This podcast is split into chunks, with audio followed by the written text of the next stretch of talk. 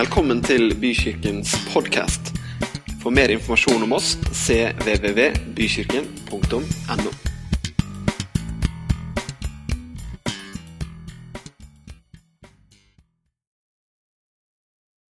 Du er her, Herre. Vi takker deg for at eh, alt er nåde. Vi takker deg for at du kom med et nådens år til oss, Herre. Takk for at det var nådens tid som du introduserte. Og takk for at eh, alt vi har fått, det er fordi du har gitt det til oss, Herre. Og takk for denne dagen som vi feirer at Ånden kom, Herre.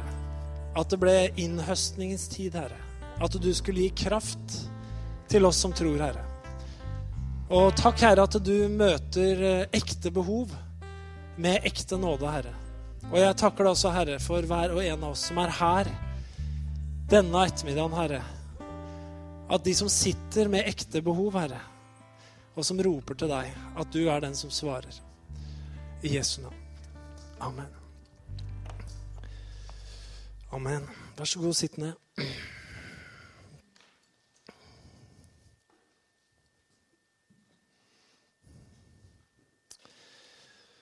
Da har jeg fått æren av og utfordringen av å tale i en pinsemenighet på andre pinsedag.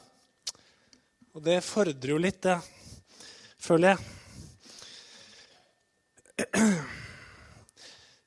Jeg må si at pinsen og det her med Den hellige ånd, det utfordrer meg ganske mye, egentlig. Når jeg leser apostelens gjerninger, så syns jeg det utfordrer livet mitt veldig. Og det er nok bra at jeg føler det sånn. Jeg håper du føler litt sånn òg. Fordi at eh, det å leve for Gud, det er jo fantastisk nåde, og Gud gir oss alt. Men det er jo allikevel ikke sånn man bare tar på hæren, egentlig. Det er ganske mye som står i apostelens gjerninger som er veldig utfordrende. altså På en positiv måte. da. De gikk ut og gjorde det ene og det andre, osv. Men jeg skal snakke om i dag veldig konkret, og det er litt sånn innlysende siden det er pinse, men jeg skal snakke om Den hellige ånd. Og jeg tror at Den hellige ånd er her. Og jeg tror også at Den hellige ånd han er her for å møte oss. Og jeg tror Den hellige ånd er her for å møte dine behov. Pinse det handler jo om Den hellige ånd. 50 dager etter påske Pinse av det greske penta, 50, pentecostals 50 dager etter påske så kom det som Jesus hadde lovt, at ånden skulle komme. Og den kom over disiplene. Og Når vi leser om Den hellige ånd i Bibelen, så blir det brukt ganske mange symboler som eh, Det kommer noen bilder her også etter hvert. Det blir brukt en del symboler om Den hellige ånd i Bibelen. Og det er bl.a. Eh, ild. Og det er vann. Og det er olje. Det er flammer. Det er sånne konkrete bilder som blir brukt igjen og igjen på Den hellige ånd. Og Bibelen bruker veldig mange bilder egentlig om forskjellige ting. Den bruker bildespråk om oss og om Jesus. Men da brukes det sånn som eh, vi kan gripe fast i, sånn som fjell, klippe, hjørnestein, ordet. Og når vi snakker om oss som kristne, snakker vi om, om byggesteiner, bricks. Ikke sant? Åkerland. Alle de bildene, eller ikke alle om Jesus, men veldig mange bilder om Jesus og veldig mange bilder som handler om oss som kirke, de er, det er bilder som handler om ting vi kan ta på og holde. Ting som har en bestemt form. Ting som har en bestemt substans, sånn som fjell og hjørnesteiner. og sånn. Det er ikke sånn som bare flyter rundt. liksom. Det, det, er noe vi kan bygge på. da. Det er noe vi kan stå på, noe som bare liksom er der, som er veldig solid. Og som er til stede der det er hele tida. Liksom. Men når det kommer til Den hellige ånd, så er, så er, bildene som brukes om Den hellige ånd, det handler om elementer som, som er veldig konkrete, og som vi føler veldig sterkt. Men det er elementer som vi ikke kan gripe. Det er elementer som vi, Om vi skal prøve å holde det, så faktisk jo hardere vi vil prøve å holde det, desto større Jo fortere glipper det ut av hendene våre. Faktisk. Og det er jo sånn med, med vann. altså Vann kan jo omgi oss totalt. Vi kan dukke under i det. Vi kan være helt omslutta av vann. Men det er veldig vanskelig å, gripe vann. Du kan kanskje holde litt sånn hvis du er veldig forsiktig. Men det skvulper fort ut igjen. Det lekker ut gjennom fingra. Og skal du virkelig ta tak i vannet, så er det borte med en gang. Ikke sant? Det samme er med flammer. Flammer er jo noe vi varmer oss på. Flammer er noe som kan være veldig godt for oss. Vi er veldig glad for å tenne et bål enkelte ganger når det er kaldt. Men flammer kan også brenne opp huset vårt. Det er liksom både godt og farlig på begge ganger. Det samme er det med vind. Vi kan ikke fange vind. Vi kan ikke gripe vind. Vi kan kjenne vind, ikke sant? men får du vind inn i en boks, så er det ikke lenger vind. Da er det bare luft som står stille. Og alle de elementene er jo på den måten olje. Det kan helbrede, det kan smøre, det kan bløte opp. ikke sant? Men det er heller ikke noe vi kan holde. Og det, er, det tror jeg er veldig viktig da, å forstå med Den hellige ånd. Og det er på en måte litt av den tråden som jeg håper å ta dere med igjennom her. Eh, jeg, vind har jeg virkelig et forhold til. Jeg husker når jeg var uh, ung, hadde fått konfirmasjonspenger. Så begynte jeg å forholde meg til vind på en ny måte. For da var det veldig moderne med windsurfing. Uh, og jeg kjøpte meg windsurfingbrett. Jeg husker at jeg dro ned på stranda, det blåste jo ikke veldig mye. Jeg husker den første turen, men jeg husker turen veldig godt. Jeg fikk rigga opp det her windsurfingutstyret mitt. Jeg fikk liksom ordna med seil. Og den gangen så var det jo ikke YouTube det var liksom ikke noe liksom, 10 points how to start windsurfing fra en eller annen amerikaner som har lagt ut noe kult. ikke sant? Det var liksom ikke noe sånt. da. Det var kanskje ett surfeblad i Norge, men det liksom kosta 40 kroner. så det kjøpte jeg sikkert ikke. Så liksom, det var ingen som fortalte meg hvordan jeg skulle benytte meg av den vinden som var der. Så jeg husker jeg var på Ringsautstranda og sto der med det brettet mitt som jeg trodde jeg hadde satt sammen riktig. da. Og gikk, Jeg visste ikke hvem vei jeg skulle ha seilet. Jeg visste liksom at tuppen skulle være utover. Ikke inn mot stranda, men ut. Og Jeg gikk opp på det brettet, og jeg ramla ned. Og jeg ramlet, og ingen som sagt at det er noe som heter kjøl, som du kan ta ned. Da er det litt stødigere. Så jeg holdt på lenge, og så husker jeg etter å ha stått og vagla på det brettet og prøvd å få det seilet opp, så fikk jeg faktisk seilet opp. Jeg husker det utrolig godt, for da sto jeg sånn. Og så hadde jeg vinden bak meg. Jeg hadde skjønt det. Du må få vinden bak inn i seilet, ikke forfra. Og så kjørte jeg utover og vinden kjørte meg sakte, pent utover. Og jeg tenkte, når jeg kom ut ved Molon, hva gjør jeg nå? Åssen snur jeg? Det, var, det, det, hadde jeg ikke tenkt på, faktisk. Åssen jeg skulle snu. Så jeg, jeg, fikk ikke snudd, faktisk. Så jeg havna langt uti der og blei henta av en annen kar da, som vennlig seilte meg inn, hvor jeg hang etter. Men det med vinden, det, det var fantastiske krefter i den. Og jeg, jeg begynte å øve på hvordan jeg skulle ha glede av vinden. Og jeg var nede, og jeg seilte, og jeg sleit, og jeg ramla og jeg ramla. Og jeg ramla. Og til slutt så gikk det jo bedre. Jeg skjønte hvordan jeg skulle stille meg foran til vinden. Jeg skjønte hvordan jeg skulle bruke seilet. Jeg forsto hvordan det her var. Og det gikk fortere og fortere og fortere. Til slutt, etter et par år, så hadde jeg liksom brukt opp farta i det brettet, i det seilet. Og jeg skjønte at nå må jeg ha hardere vind. Jeg må ha mer vind. Jeg må kjøre der det ordentlig, går ordentlig fort. Så da kjøpte jeg nytt brett, et veldig lite brett. Og da var det sånn at eh, da ble det like vanskelig igjen. For det fløyt jo ikke. Så da begynte jeg på nytt igjen. Og så måtte jeg på en måte lære meg å bruke vinden en gang til. Men da gikk det jo skikkelig fort. Og jeg blei faktisk så opptatt av vind at det første jeg gjorde i helga når jeg våkna Alltid det var å stå opp og kikke ut ved rullegardina bort på et stort bjerketre som naboen hadde, for å se hvordan det blåste. Jeg tenkte på vind alltid. Og jeg var utrolig glad for vind. Og hvis det var liksom mye vind klokka 11, for jeg sto jo opp litt seinere den tida der, husker jeg, da, da bare skyndte jeg meg ut og gjerne ringte til kameraten min og sa du, er du klar. ikke sant? Jeg hadde en seilekamerat, og vi dro alltid ut. da. Og vi seila og vi seila, og vi kikka på værmeldinga. Kommer det noe vind? Du, om to dager har det meldt kuling! 14-15 sekundmeter, stiv kuling. Og vi, vi gleda oss så sinnssykt at det skulle blåse. Det var det jeg var veldig opptatt av. Jeg var så opptatt av at en, en, en dag hvor jeg våkna og Jeg gjorde det vanlige. Kikka til sida. Det blåste skikkelig i bjerketreet. Og jeg tenkte å nei! Hvor lenge har jeg sovet? Det blåser! Og jeg går ut av rommet mitt. Det er helt stille i huset. Helt stille, faktisk. Jeg tenkte klokka, liksom, Nå har jeg sovet lenge. altså. Mutter'n og fatter'n er ikke hjemme. Og jeg går inn på kjøkkenet og ser klokka er fire. Fire var det to timer igjen av solgangsprisen. Så jeg skyndte meg inn ikke sant, på syrommet til mora mi og tar telefon og bare ringer nummeret til kameraten min, seilkameraten min. Og det ringer. vet du. Jeg tenker ah, det er fint vær. ikke sant? Jeg er ute på terrassen. Jeg må bare la det ringe.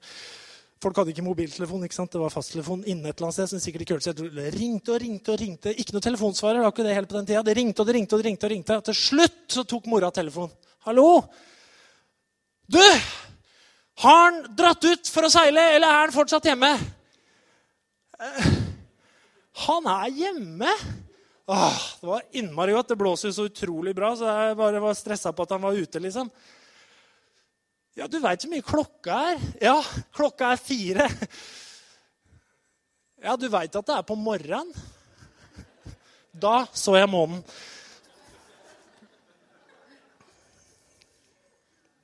Og våkna egentlig. Så jeg var veldig opptatt av vind, kan du si.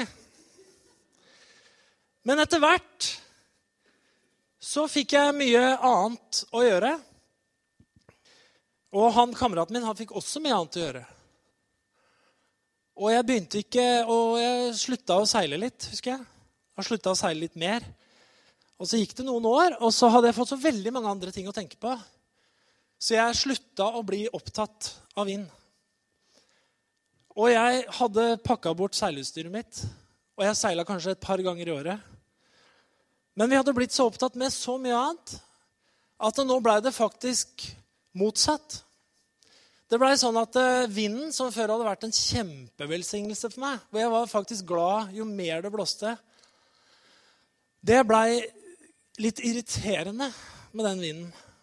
For jeg hadde blitt mer opptatt av å sitte og kose meg egentlig, i solveggen og grille og sånn.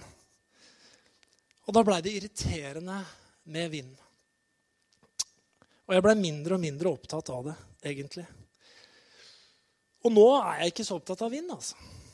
Det må jeg bare innrømme. Men det kan bli litt sånn i livet òg. Vi kan bli opptatt med veldig mye annet. Og så er det vind der som kan brukes til noe veldig positivt.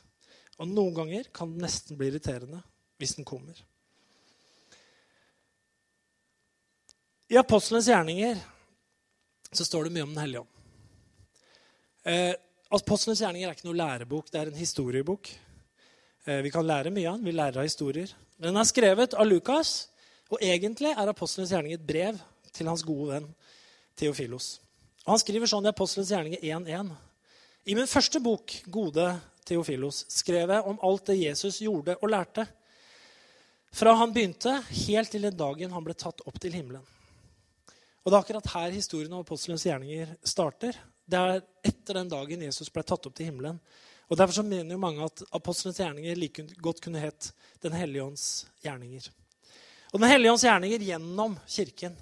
Og hvordan evangeliet spredde seg ut over hele verden i en rasende fart. Og Apostlenes gjerninger har mye å lære oss. Den lærer oss om liksom grunnlagene for et levende kristenliv. Den lærer oss om fellesskapet, den lærer oss om overgivelse. Og den lærer oss om Guds ledelse i forhold til menighetsbygging og misjon. Eh, for å forstå det her med Den hellige ånd så Jeg vet at det her er sånn, sikkert grunnleggende for mange, men jeg har lyst til å gå litt tilbake. For jeg tror det er bra da, å bli minna på det her som har med Den hellige ånd å gjøre, og hvorfor det angår oss i dag. Når Jesus kommer til jorda, så er det, så er det liksom grunnleggende to årsaker. Eller én hovedårsak, selvfølgelig. Og det er at alle mennesker skal bli forsona med Gud. At Jesus skal ta all verdens straff og synd på seg. Og Det andre som er veldig tydelig når Jesus er her, det er jo at han helbreder mennesker. Han gjør mennesker hele igjen. Og jeg tenker at det Ordet helbredelse er ofte Vi tenker liksom bare sånn Ja, han hadde vondt i armen og ble bra. Men helbredelse handler om å bli gjort hel igjen. Det er det helbredelse handler om. Det handler om å bli gjort uskadd igjen. Og det kan være på alle plan av livet. Så det er det Jesus er opptatt av. Han er opptatt av å frelse. Både evig frelse, men også helbrede og gjøre helt igjen når han kommer. Så han gjør det. Eh, og Når Jesus gjør under og tegn og mirakler, så er det jo veldig mange som kommer for å høre på Jesus, for de syns det var fantastisk. Hva er det denne mirakelmannen sier? Men så er det jo det Jesus peker på. da, At det er, det er noe, en hendelse i livet til Jesus som er veldig sånn tydelig. Eh, og det er jo når Jesus da lar seg døpe av døperen Johannes i Jordan. Og opplever da, når han går opp av vannet, så åpner himmelen seg. Og Den hellige ånd kommer over ham som i en dues skikkelse, og Gud taler. Eh, og da står det at etter det så går Jesus i åndens kraft, blir Jesus leda ut i ørkenen. Og det er tydelig at det her er et øyeblikk hvor Gud salver Jesus. da. Det var et før og et etter den dåpen, som også var en åpenbaring av Den hellige ånd. Og igjen så er det en due. da. Det er noe du ikke kan liksom bare fange og ta. Det er, det er noe fritt som er over Jesus, som er over, som bare flyr av gårde igjen. ikke sant? Det er ånden som kommer over Jesus. Og Derfor så sier Jesus i, i Lukas 4, 18, at Herrens ånd er over meg, for han har salvet meg til å forkynne et godt budskap for fattige. Han har sendt meg for å rope ut at fanger skal få frihet, og blinde skal få syn igjen. For å sette undertrykte fri og rope ut et nådens år fra Herren. Og det, han, det, det står tydelig, er at Guds ånd er over Jesus. Det kom som i en dues skikkelse. Og han er salva av Gud. Det vil si han er utvalgt. Det peker tilbake på Det gamle testamentet for Gud. Salva mennesker til tjeneste. De prester, til konger, profeter. De ble salva med olje, som er et bilde på Den hellige ånd. Sånn at Gud hadde satt dem til side for å tjene ham på en spesiell måte. Og Jesu tjeneste den pågår i disse tre åra ca.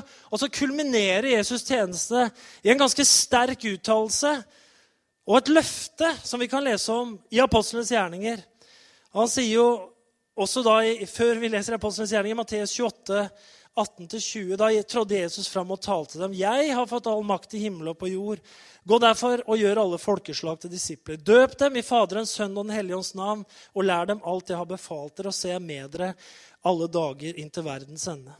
Der er jo Jesu befaling, og den er jo, den er jo så stor. denne befalingen her. Den er jo så enorm det her å gå ut i all verden. Og Vi vet jo når vi leser bibelhistorien, hvor små disiplene ofte følte seg. Når Jesus ikke var der, så, var de, så, så, så liksom mista de grepet ganske fort. Vi leser jo på slutten av Jesu liv når det dro seg til litt, men også mange andre ganger hvor det er vanskelig å være disippel, hvor det er vanskelig å være frimodig, hvor det er vanskelig å være tydelig for disiplene. Men Jesus han gir dem et løfte og det kommer en oppfyllelse av det løftet. I Johannes 14, 16-17 så sier Jesus og jeg vil be Far, og han skal gi dere en annen talsmann enn meg, som skal være hos dere for alltid sannhetens ånd, som verden ikke kan ta imot. For verden ser han ikke og kjenner ham ikke, men dere kjenner ham, for han blir hos dere og skal være i dere. Og i apostelens gjerninger så spør disiplene i det første kapitlet, vers 6-8 Når, mens de var sammen, spurte de om Herre, er tiden nå kommet da du vil gjenreise riket for Israel? Han svarte, det er ikke dere gitt å kjenne tider og stunder som far har fastsatt av sin egen makt. Men dere skal få kraft når Den hellige ånd kommer over dere. Og dere skal være mine vitner både i Jerusalem og Judea, Samaria, like til jordens ende. Og Her på en måte repeterer han det han sa først, men han legger til noe. Men han sier, for dere skal få kraft idet Den hellige ånd kommer over dere. Og da skal dere være mine vitner, som jeg allerede har snakka om i Matteus 28. Løftet som starter apostelens gjerninger, er at disiplene skal få kraft. Og altså, Hva er kraft? Jeg, jeg, tror noen ganger vi blir så eh, Vi blir så sånn, vi har sånne uttrykk som vi bruker hele tida. Men hva er kraft? Nå, nå, for tida, Den gangen her tror jeg ikke de gjorde det, men nå for tida så måler vi jo kraft. ikke sant? Hvor mange, hvor, hvor mange krefter er det i bilen din eller i motorsykkelen din eller i båten? Gjerne motorer måler vi kraft på, bl.a. Hestekrefter, ikke sant? Og det er sånn at én eh, heste Kraft, blir det riktig norsk? En hestekrefte, kan man ikke si. En hestekreft. Kraft. Det er så mye kraft som trengs for å løfte 75 kilo én meter på ett sekund. Det er én kraft. et eller annet. Den kraften det trengs for å løfte 75 kilo én meter på ett sekund, det er en hestekraft. Ok? Så vi har jo mer enn det i bilene våre. Når vi, men når vi snakker om kraft, hvor mye kraft Hvis du har 100 eller 200 eller 300 hester, så forteller det om hvor effektivt Hvor mye krefter det er. Og vi vet det at eh, en bil som veier 1500 kilo, kg, som har 100 hester, den er ikke så veldig sprek. 0 til 100 på 12 sekunder. En bil som veier 1500 kg, som har 200 hester, den går fra 0 til 100 på 8 ca. Spørs åssen girkasse du har, men det er noe annet. Men uh, i hvert fall Det måler hvor fort ting går. Hvor effektivt er det som skjer? Hvor mye klarer man å flytte på på hvor lang tid? Og det er liksom, Når Jesus snakker om det her, så er det jo ikke sånn at disiplene var uten evne til å tjene Gud før pinsedag. Det var jo ikke sånn, Tvert imot. Vi leser jo masse om at de gjorde mye når Jesus sendte dem ut. Og det var ikke sånn at de var ute av stand til å, holdt jeg på å si, flytte ting, sånn åndelig sett. Men så sier Jesus at dere skal få kraft. Dere skal få mer hestekrefter. Dere skal altså bli mer effektive. Det skal skje mer når dere tråkker på gasspedalen, enn det du gjorde før. For nå har dere fått mer kraft, rett og slett. Det var hensikten. Og det har jo med indre motivasjon å gjøre. Ikke sant? Det tror jeg det, det handler om det. Blant annet det vi har lyst til. Og Det vi leser senere i Apostlenes gjerninger, det er grunnlagt på akkurat det her. At Den hellige ånd kom og ga dem kraft, og de blei effektive. Det som er, som jeg syns er så flott da, med historien i Apostlenes gjerninger 2, det var at Jesus hadde snakka om det her. Ja, dere skal få kraft. Og det hadde du hørt. det. Vi skal få kraft. Og Den hellige ånd skal komme over dere. Og det hadde de jo litt sånn forståelse av, selvfølgelig. Fordi at uh, Den hellige ånd hadde kommet over Jesus. Det var masse historier i Det gamle testamentet blant annet, hvor Den hellige ånd hadde kommet over mennesker. Det var salva osv. Så, videre. så de visste at uh, Gud er med, liksom. ikke sant? Men samtidig så er det sånn at det som skjer på pinsefestens dag, det er noe som Akkurat det har aldri skjedd før. Og når Jesus hadde sagt det han hadde sagt, så visste de jo ikke hva de egentlig skulle forvente. Altså, de, hadde ikke, de hadde ingen tegning på det. Vi kommer til å være samla, så kommer Den hellige ånd til å komme, og det kommer til å komme masse lyd som en stormvær. Og så kommer det til å komme liksom ild, som, som, det er ild over hodet på alle som er der. De visste jo ikke noe om det. Og det er så fint, fordi at da blei det så ekte. Da blei det så genuint, det de opplevde. At det som skjedde, det skjedde. Og det var ikke noe de kunne forberede rundt det. Og det syns jeg er utrolig fint. Det var ikke noe de kunne holde. Det var ikke noe de kunne planlegge. Det var ikke noe de kunne strukturere. Det var ikke noe de kunne skrive opp på forhånd. Det var vann, det var ild, det var olje, og det var vind. ikke sant? Noe konkret, men allikevel noe de ikke kunne gripe. Så når Den hellige ånd kommer på pinsefestens dag, så tenker jeg at de er både forberedt og uforberedt samtidig. Og det de søker, er genuint. De søker Gud. Men jeg mener tungetale og flere av de tinga som kom, det var, jo, det var jo veldig utilgjengelig for de som var utafor. Jeg tror kanskje ikke de skjønte så mye sjøl heller. Helt ærlig.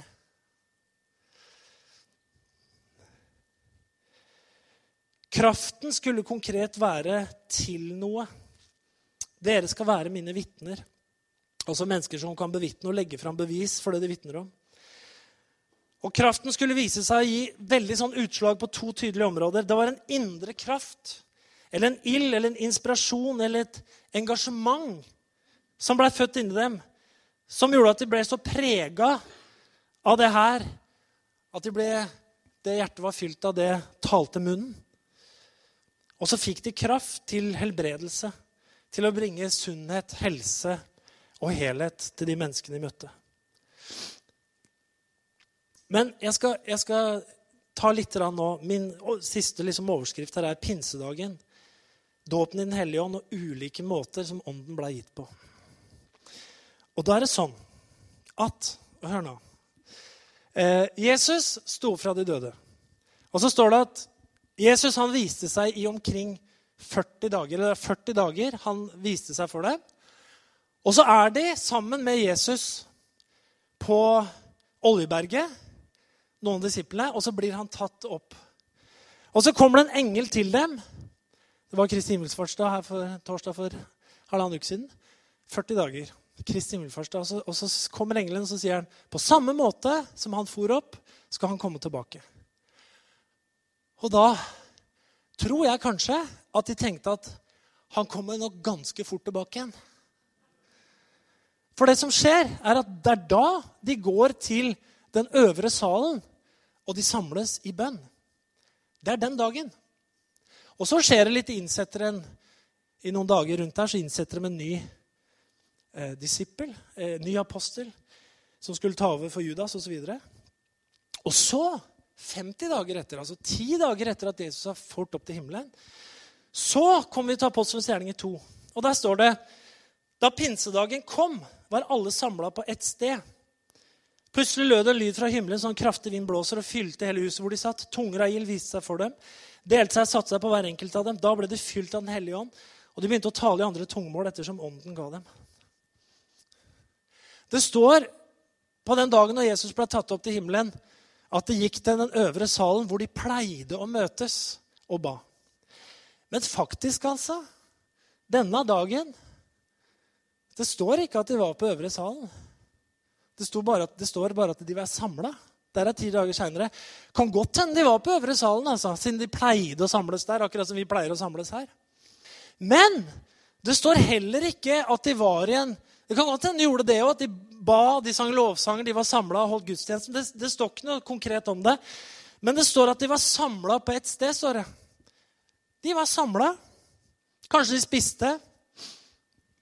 Men mens de er samla, så lyder det plutselig Plutselig er det en lyd fra himmelen. Som uforberedt. De satt ikke og venta på en lyd.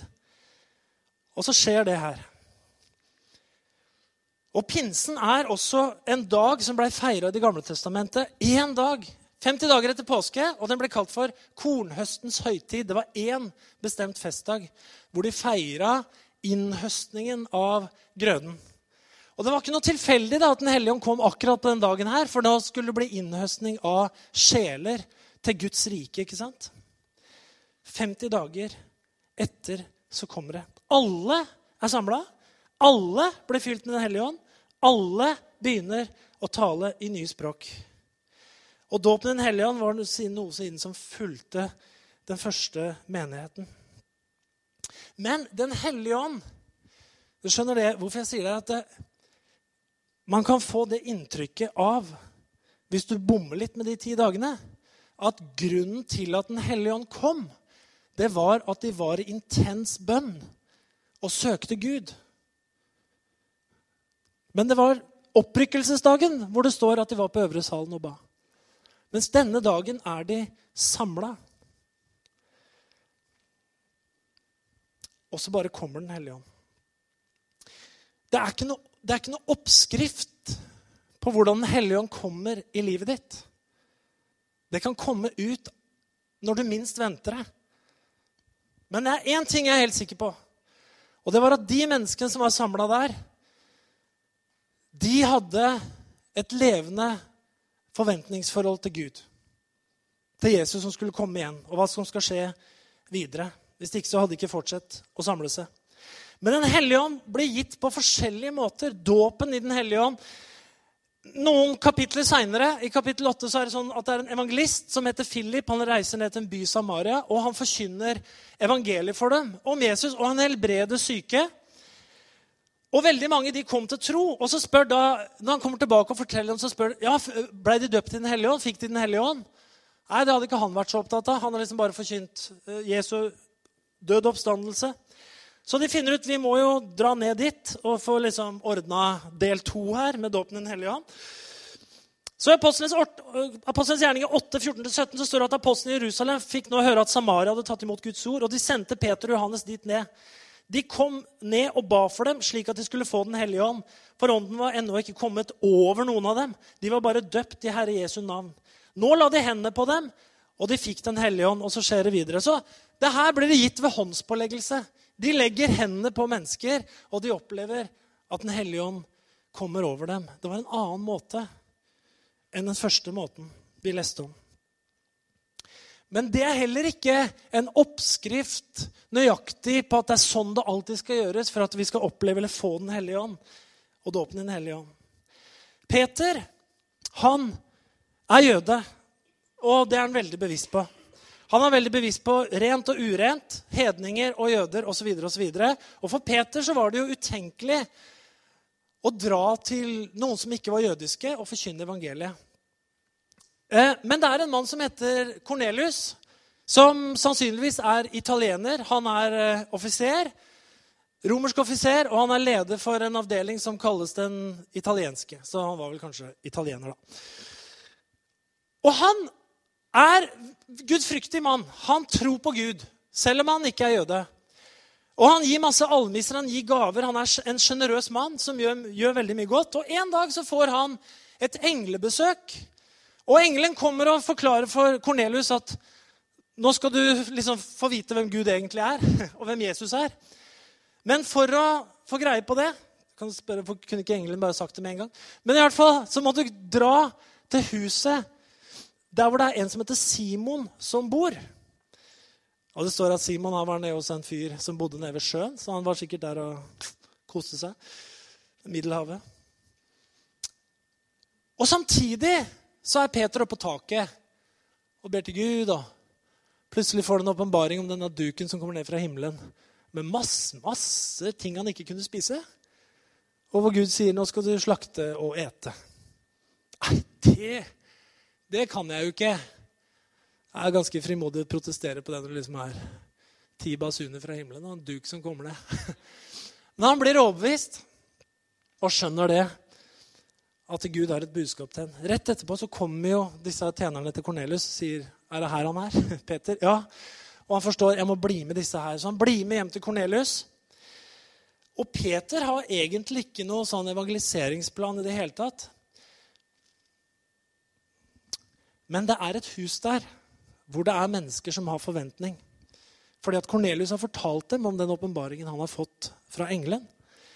Og så kommer Peter. Og Da står det i Apostelens gjerninger 10 at mens Peter begynner å tale om Jesus Mens Peter ennå talte disse ordene, så falt Den hellige ånd på dem som hørte det. Og alle de troende som tilhørte de omskårne, og som var kommet sammen med Peter, ble forferdet over at Den hellige ånds gave ble blitt utgitt også over hedningene.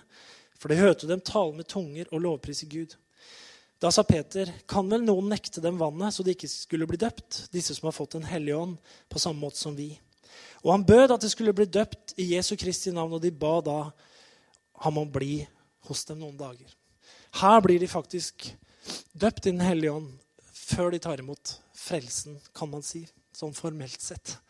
Men det fantastiske med denne historien her, er at her blir de døpt i Den hellige ånd mens de sitter og hører på Guds ord. Det er ingen håndspåleggelse, det er ingen storm, det er ingen ild.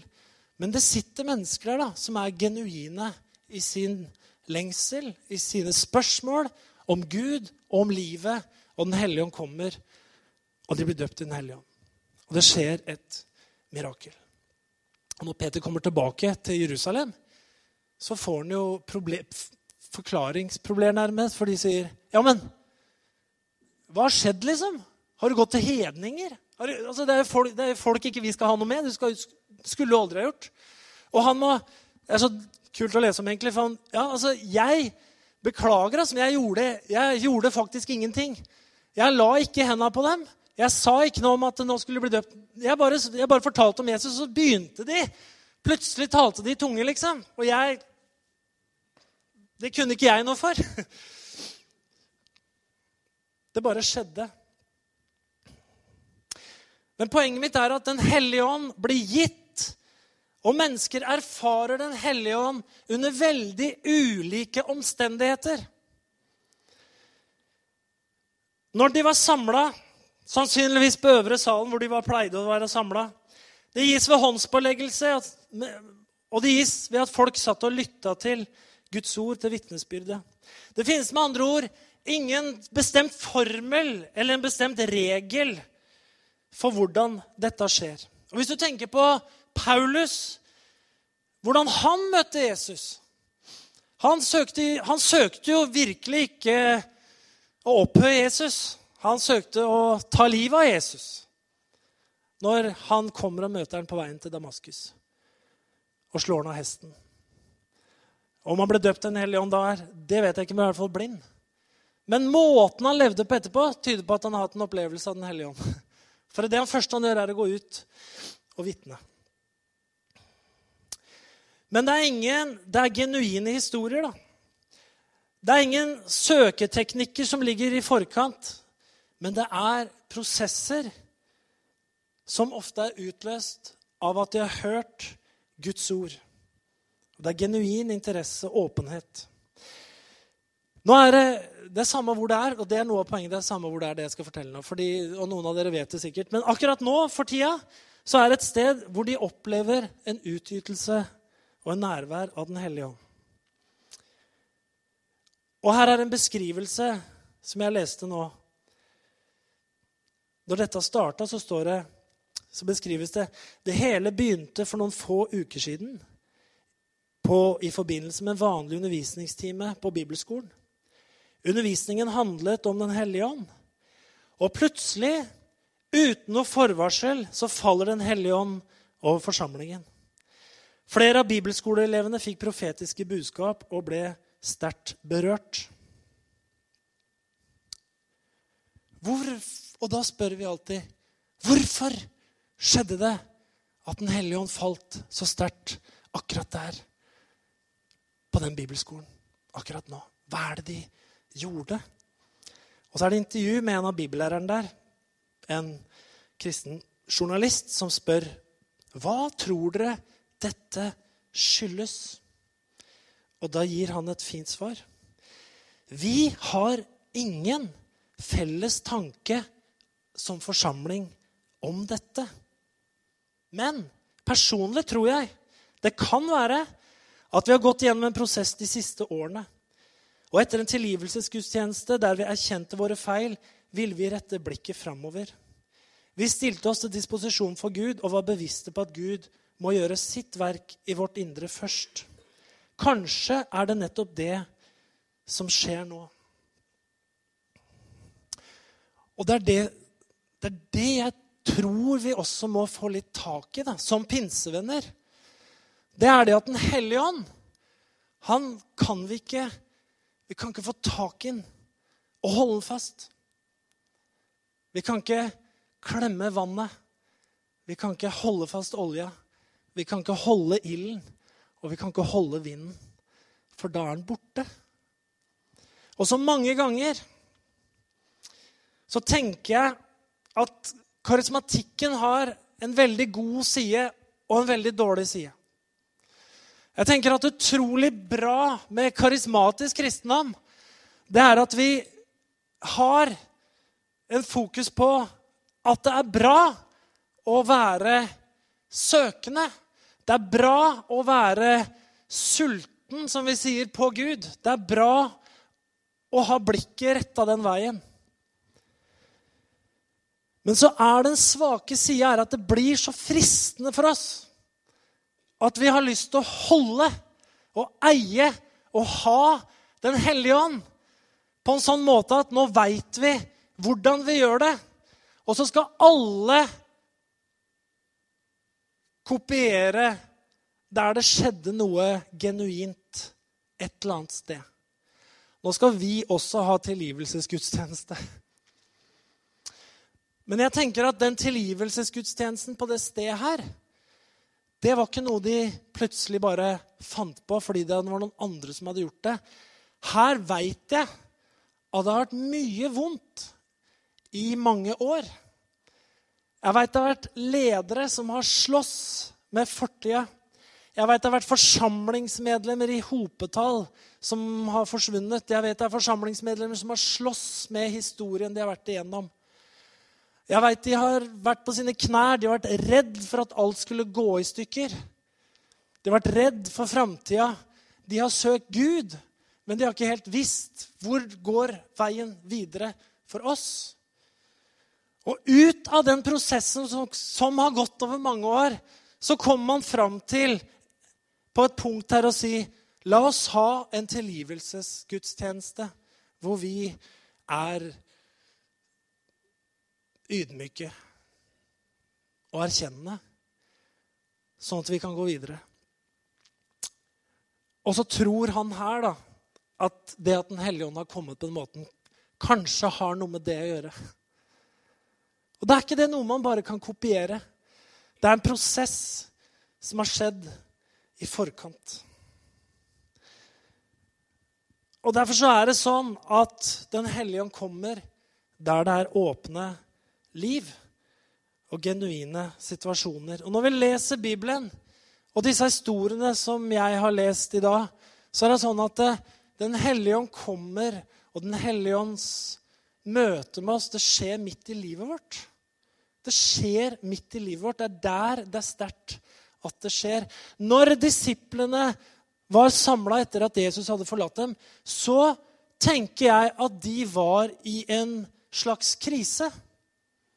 Jesus hadde sagt Den hellige ånd skal komme. Men han hadde vært lederskikkelsen deres. Og han drar. Han blir jo faktisk fullstendig borte. Og de får på plass en ny disippel iblant seg osv. Men det skjer ikke mye i de neste ti dagene. De samles, og de samles igjen, og de samles igjen. Og så kommer denne tiende dagen, og så sier det pang. Jeg tenker at de var i en virkelig situasjon i livet sitt hvor de trengte noe fra Gud for å gi dem en tydelig retning videre. Og så skjer det her. Og så er det 3000 mennesker som blir lagt til forsamlingen første dagen. Det er kraft, altså. Det er liksom mer enn 75 eh, kilo som blir løfta 1 meter på ett sekund. Er, her, her, er det veldig mange kilo som blir løfta 1 meter i løpet av ett sekund. Det er store krefter i sving. Og da fikk de i grunnen oppdraget servert på et sølvfat. Vær så god, her er 3000 mennesker. Det er bare å sette i gang og lære dem alt det jeg har befalt dere. Og siden så, så rulla det her på. Og det samme var med Kornelius' hus. Det her var folk som de trodde på Gud. Men det var jo jødenes gud, ikke sant? Og, og, og de ga almisser, og de var sjenerøse. Og, Liksom, men de hadde liksom ikke alle svar, og de var virkelig søkende. Og når Kornelius kommer og forteller nå liksom har det her skjedd, og jeg har fått uh, et englebesøk, og nå, nå, må vi samles her, dere, for nå kommer det en Gud har sagt skal komme hit, så tror jeg de satt og de var liksom Dette er noe spesielt. Og så kommer Den hellige ånd. Og jeg tenker, da at det at Gud kommer i livet vårt der vi lever, der vi har reelle behov, der vi virkelig trenger Gud, det er faktisk veldig gode nyheter. For da går det an å be en ærlig bønn der du er. Akkurat der du er. Ikke et sted der du burde vært, men der du er i livet ditt akkurat nå. Der hvor jeg er i livet mitt akkurat nå, kan jeg be en ærlig bønn. Og jeg kan tro at Den hellige ånd, han vil komme for å møte meg. Amen. For det er jeg, jeg, mener ikke å være en sånn, jeg mener ikke å være sånn kritisk, for jeg vet Gud gjør mange ting. Men når vi skal prøve å holde og eie og ha metodene for at Den hellige ånd skal bli liksom forløst, og det skal skje sånn og sånn, og sånn, så kan det også skje ganske mange ting som akkurat der og da kanskje føles litt spennende. og hva skjedde. Og så etterpå så veit jeg så mange som har blitt fylt av tomhet. Fordi de blei med på en, kanskje en suggesjon, eller de blei med på en, en, ivrig predikant som kjørte i gang noe greier ikke sant? og bare raste over folk. Jeg har vel vært med på det. Og så er det ikke egentlig en skikkelig substans i det. Så etterpå så er det ikke noe som bærer i livet. da. Mens når Den hellige ånd gjør noen ting genuint, så tror jeg det bærer i livet.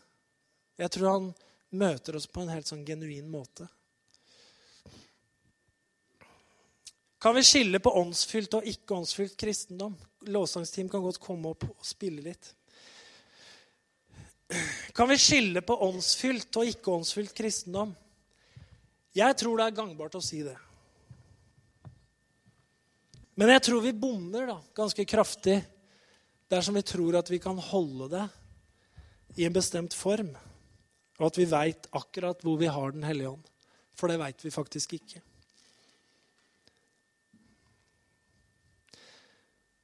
Og jeg kunne tenke meg at vi søker Gud litt der vi er akkurat nå. Jeg tenker at eh, Jeg tenker at Gud er veldig interessert i oss. Og jeg Det var liksom et bilde, da. Det skjønte vel alle. Men det her med Hvis man er veldig opptatt av vind, så ser man vinden. Man legger merke til vinden. Jeg hadde jeg hadde faste steder jeg så hver dag etter vind. Og jeg visste at nå nå kan jeg seile. Nå kan jeg, nå kan jeg seile. Nå er det skikkelig vind. Men som jeg sa, så blei livet fylt av andre ting som ikke hadde med seiling å gjøre. Jeg har jo fortsatt utstyret. Det ligger litt nedstøva i garasjen. Men jeg ser jo ikke på vinden lenger. Og jeg er mest misfornøyd når det blåser mye. Sånn som i går. Og det er jo noe med å gripe øyeblikka noen ganger. Og se etter Den hellige ånd, da. Og se etter Gud. Vi kan jo bli opptatt av så mange ting, og vi klarer oss jo ganske bra, ikke sant? Som gjør at vi slutter å la Den hellige ånd ta oss noe sted. Og det tror jeg ikke han vil. Og jeg er helt sikker på at den hellige ånd, han kan gjøre ting inni oss som ingen andre kan gjøre. Gud kan gjøre ting inni oss som ingen andre kan gjøre. Og han kan gi oss kraft. Sånn at det som er veldig tungt, det som er veldig tungt å løfte på i livet, som ikke vi har krefter til, det, det går bra. Vi får krefter, ikke sant? Plutselig så går det. Plutselig så løfter vi de, de byrdene. Det går fint. Det er krefter i oss. Og det når vi får mye krefter, så kan vi begynne å løfte andres byrder òg, ikke sant? Bære hverandres byrder. Da har vi kraft. Kraft i livet. Det er det det handler om. Jeg syns vi kan reise oss, og så kan vi eh, være med oss sjøl og Gud lite grann. Og så tenker jeg at for noen som står her, du står her og syns det er fint å være her. Men for noen som er her inne akkurat nå, så er det sånn at du har reelle situasjoner i livet ditt. Det er tungt å løfte. Og det er i hvert fall tungt å løfte for andre i tillegg. Og det som jeg har prøvd å si noe om i dag, og vise, det er at det, Gud er ikke ute at du skal prestere noe for at han skal komme.